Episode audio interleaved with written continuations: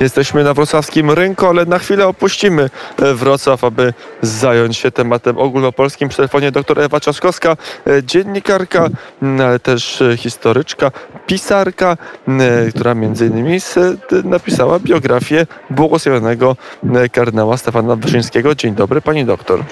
Dzień dobry panu, dzień dobry państwu i jeszcze dodam drugą książkę, właściwie trzy o prymasie, bo jeszcze prymas Wyszyński, Wiara, Nadzieja, Miłość to na beatyfikacji i też książka dla dzieci o Wyszyńskim, w sumie trzy.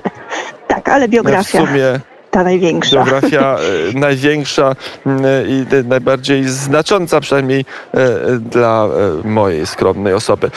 Pani doktor, Dziękuję to, bardzo. Tak to od beatyfikacji pani była na miejscu, była w e, świątyni Opatrzności Bożej? Tak, oczywiście byłam na beatyfikacji. No, musiałam być, chciałam być. Także byłam wczoraj w świątyni Opatrzności Bożej, e, uczestniczyłam w tym wydarzeniu, byłam świadkiem, że tak powiem, ogłoszenia e, prefekta Kongregacji Spraw Kanadyjnych właśnie tych dwoje błogosławionych, czy już możemy mówić, jeszcze się do tego nie przyzwyczaiłam, błogosławiony kardynał Stefan Wyszyński i błogosławiona matka Różaczacka, bo o nie też trzeba pamiętać. Mm, są te dwie osoby ze sobą mm, z, w pewien sposób związane. E, kardynał e, Laski lubił w sposób wyjątkowy, często tam przyjeżdżał, często tam e, szukał chwili skupienia, kiedy coś go trapiło, kiedy trzeba było jakiś problem rozwiązać. Tak, Laski dobrze znał już sprzed wojny. W Laskach trzy lata mieszkał w czasie wojny, ukrywał się, był kapelanem, był kapelanem Powstania Warszawskiego i ta przyjaźń duchowa z Matką Czacką właśnie tak bardziej ściśle się zawiązała właśnie w czasie wojny. E, prymas, e, pamiętajmy, był no, młodszy o 25 lat od matki i mm, czyli ona był, można powiedzieć, że on z niej początkowym przynajmniej okresie życia, kiedy ją poznał w 1926 roku, on na pewno z niej dużo czerpał. Potem te relacje oczywiście, kiedy został prymasem, się też trochę zmieniła, ale listy świadczą o tym, że rzeczywiście byli ze sobą bardzo blisko, w sensie takim duchowym związani, wspierali się. E, prymas rzeczywiście, tak jak pan powiedział, lubił przyjeżdżać do lasek, lubił tą atmosferę tego miejsca, rzeczywiście szczególną atmosferę miejsca, tej opieki duchowej nad ludźmi, nad dziećmi ociemniałymi, cierpiącymi, ale jednocześnie tak otwartości, którą właśnie tworzyła matka Czacka na ludzi ociemniałych na duszy, czyli nie tylko tych, którzy stracili wzrok fizyczny, ale którzy poszukiwali jasności życia, tak? którzy właśnie ta ciemność, których ta ciemność na duszy opanowywała. Więc lubił tam przyjeżdżać z uwagi na tą taką otwartość, na tą atmosferę, na przyrodę, lubił spacerować e, po lesie, to jest Campinos przecież. E, nawet tam e, przyjeżdżał czasami z jakimiś gośćmi, żeby swobodnie porozmawiać, no bo w tym lesie raczej podsłuchów nie było. Rzeczywiście przyjeżdżał, przyjeżdżał zawsze przed, przed Wielkanocą, w czasie Triduum Paschalnego, żeby tam właśnie razem modlić się z tą społecznością. Przyjeżdżał, spędzał też czas prywatnie, żeby po prostu chwilę odpocząć i znaleźć chwilę namysłu nad mm, rzeczywistością, nad problemami, żeby te problemy przemodlić. Jeszcze wróćmy do samej beatyfikacji, który moment, był jakiś taki szczególny moment w mszy świętej, w, w, w samej beatyfikacji, który szczególnie utkwił pani doktor w pamięci? Na pewno oczywiście moment odsłonięcia dwóch obrazów, dwóch portretów beatyfikacyjnych, bo to jest ten właśnie symboliczny moment, kiedy się odsłania dwa portrety. To jest ten moment, kiedy już wiemy, że mamy błogosławionych. To bez wątpienia to był taki no chyba najbardziej wzruszający, wzruszający moment całej całej uroczystości. Zresztą piękne e, są. Kiedy... Oba są piękne i Matki Czackiej i księdza kardynała. E, tym bardziej, że może warto powiedzieć, że właśnie ten portret mm, prymasa Wyszyńskiego to on jest ze zdjęcia, e, które było zrobione pod koniec życia prymasowi. On zresztą w katedrze warszawskiej też wisiał wcześniej, on stany ten portret i właśnie on też został wybrany na ten portret beatyfikacyjny prymasa już błogosławionego. Kiedy, jakiś czas temu, parę lat e, w, w, te, temu, pani doktor podjęła decyzję, żeby napisać taką naukową, porządną, wyczerpującą biografię kardynała Stefana Wyszyńskiego. Już pani miała takie przeczucie, że to będzie e, biografia błogosławionego? E, ta, ta, biografia jest właściwie biografią taką popularno-naukową, bo chciałam, żeby ona właśnie była pisana w sposób bardzo przystępny, taki trochę reporterski, dziennikarski też, ale oczywiście oparty o źródła, o fakty. Na tym mi zależało też i żeby pokazać właśnie postać taką pełną prymasa, jako też człowieka, który zmagał się z różnymi przeciwnościami, dylematami, trudnościami. E, również w tym życiu, jego życiu były i napięcia, i sytuacje właśnie też i konfliktowe, bo to nie jest tak, że święci nie przeżywają takich trudności, tylko chodzi o to, jak, są, jak są te trudności rozwiązywane. muszę powiedzieć, ja zaczęłam pracę w ogóle nad biografią, tą pierwszą, bo potem było drugie wydanie rozszerzone w 2005 roku, więc już no, 16 lat temu. I od 16 lat rzeczywiście towarzyszy mi prymas w różny sposób, w sensie no oczywiście przede wszystkim tym e, dziennikarskim, publicystycznym, naukowym, bo też doktorat robiłam z prymasostwa kardynała Wyszyńskiego, ale też i duchowym.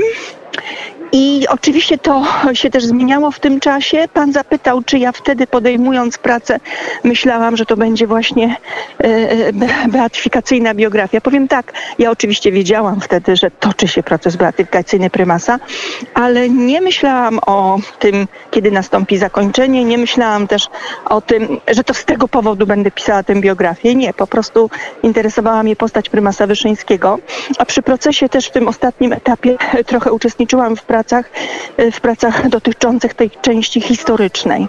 Więc nie myślałam, jak, e, jak powiedziałam o tym, e, ale podejmowałam z racji tej, że właśnie ta postać mnie interesowała i muszę też przyznać, bo mm, muszę też przyznać, że to widzenie prymasa też się trochę u mnie zmieniało, bo na początku bardziej patrzyłam na niego jako właśnie na tego męża stanu, wielkiego prymasa, który przeprowadził Kościół i naród przez Morze Czerwone, jak się popularnie mówi o okresie komunizmu w Polsce, e, jako interreksa, duchowego przywódcę, a w ostatnich kilku latach bardziej e, zaczęłam patrzeć na prymasa właśnie jako na człowieka, na człowieka, mm, na jego cnoty, czy cechy charakteru, czy cnoty, które też stały się podstawą procesu beatyfikacyjnego.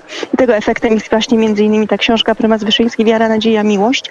Bardziej właśnie patrzeć zaczęłam na niego jako na człowieka, tego, który rzeczywiście osiągnął w swoim życiu życiu świętość. Jest przebogata postać, to... naprawdę dużo tematów to do może z, tak?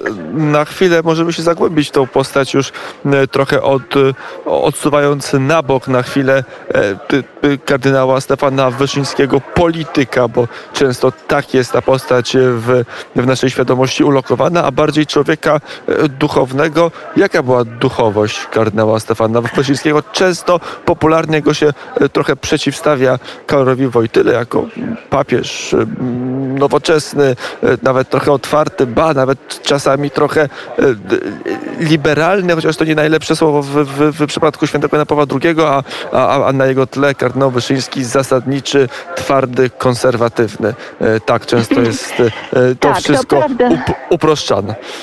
Tak, to jak tak pan powiedział, że to wszystko jest bardzo uproszczone. To jest w ogóle rozległy temat, który pan zaczął, postawił.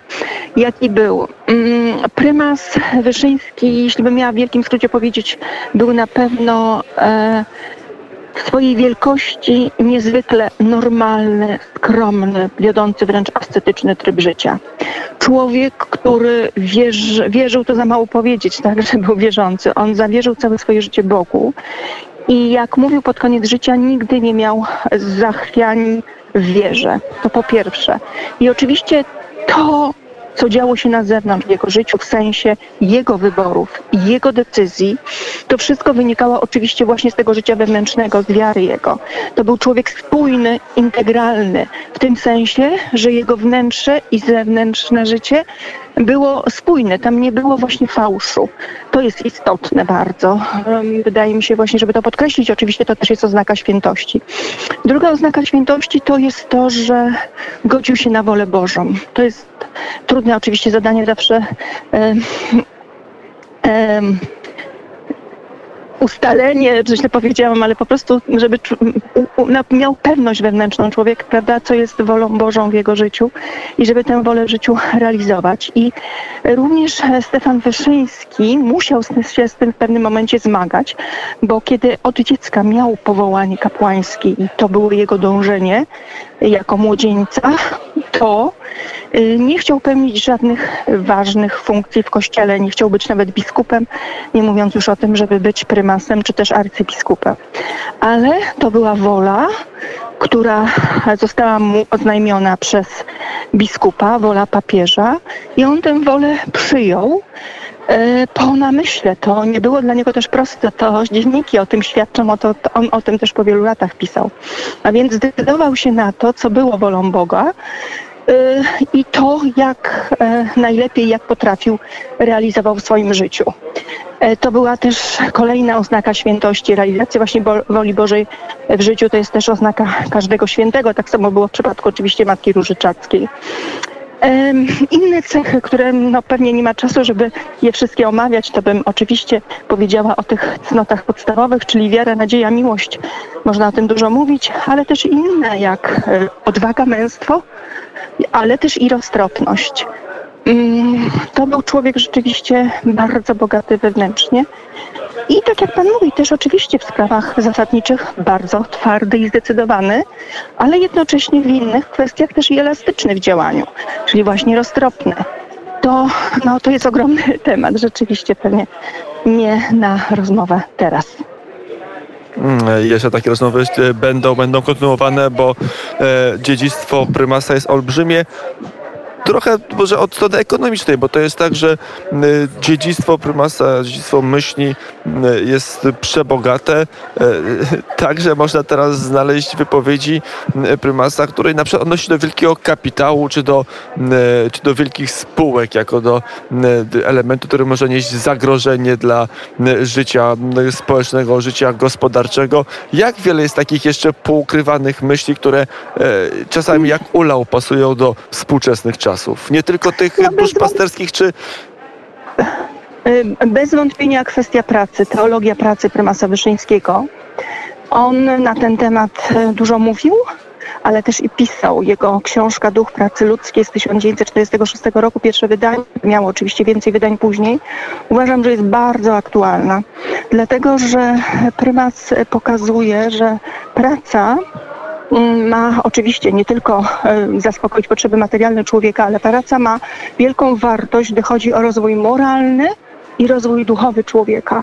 Ale co więcej, on idzie jeszcze dalej, pokazując, że praca może mieć też charakter zbawczy.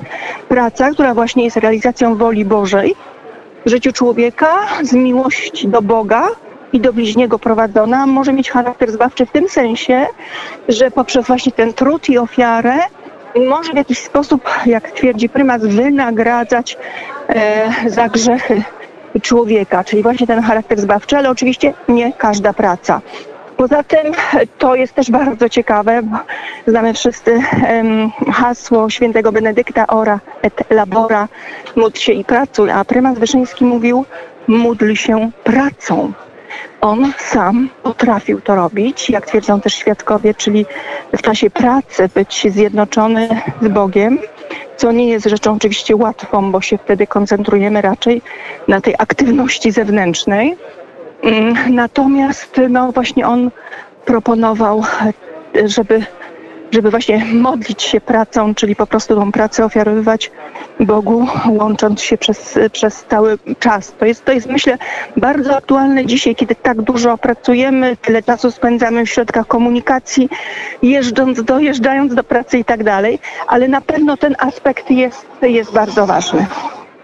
No i będziemy jeszcze odkrywać kolejne aspekty mm, e, działalności, myśli mm, prymasa e, kardynała Stefana Wyszyńskiego i przy okazji beatyfikacji i nie tylko. Może jeszcze przyjdzie nam z panią doktor Włoczaczkowską rozmawiać po kanonizacji. Wszystko jest możliwe. E, pani doktor, dziękuję bardzo za rozmowę i do usłyszenia. Dziękuję serdecznie. Dziękuję państwu. Dziękuję. Do widzenia. Do usłyszenia.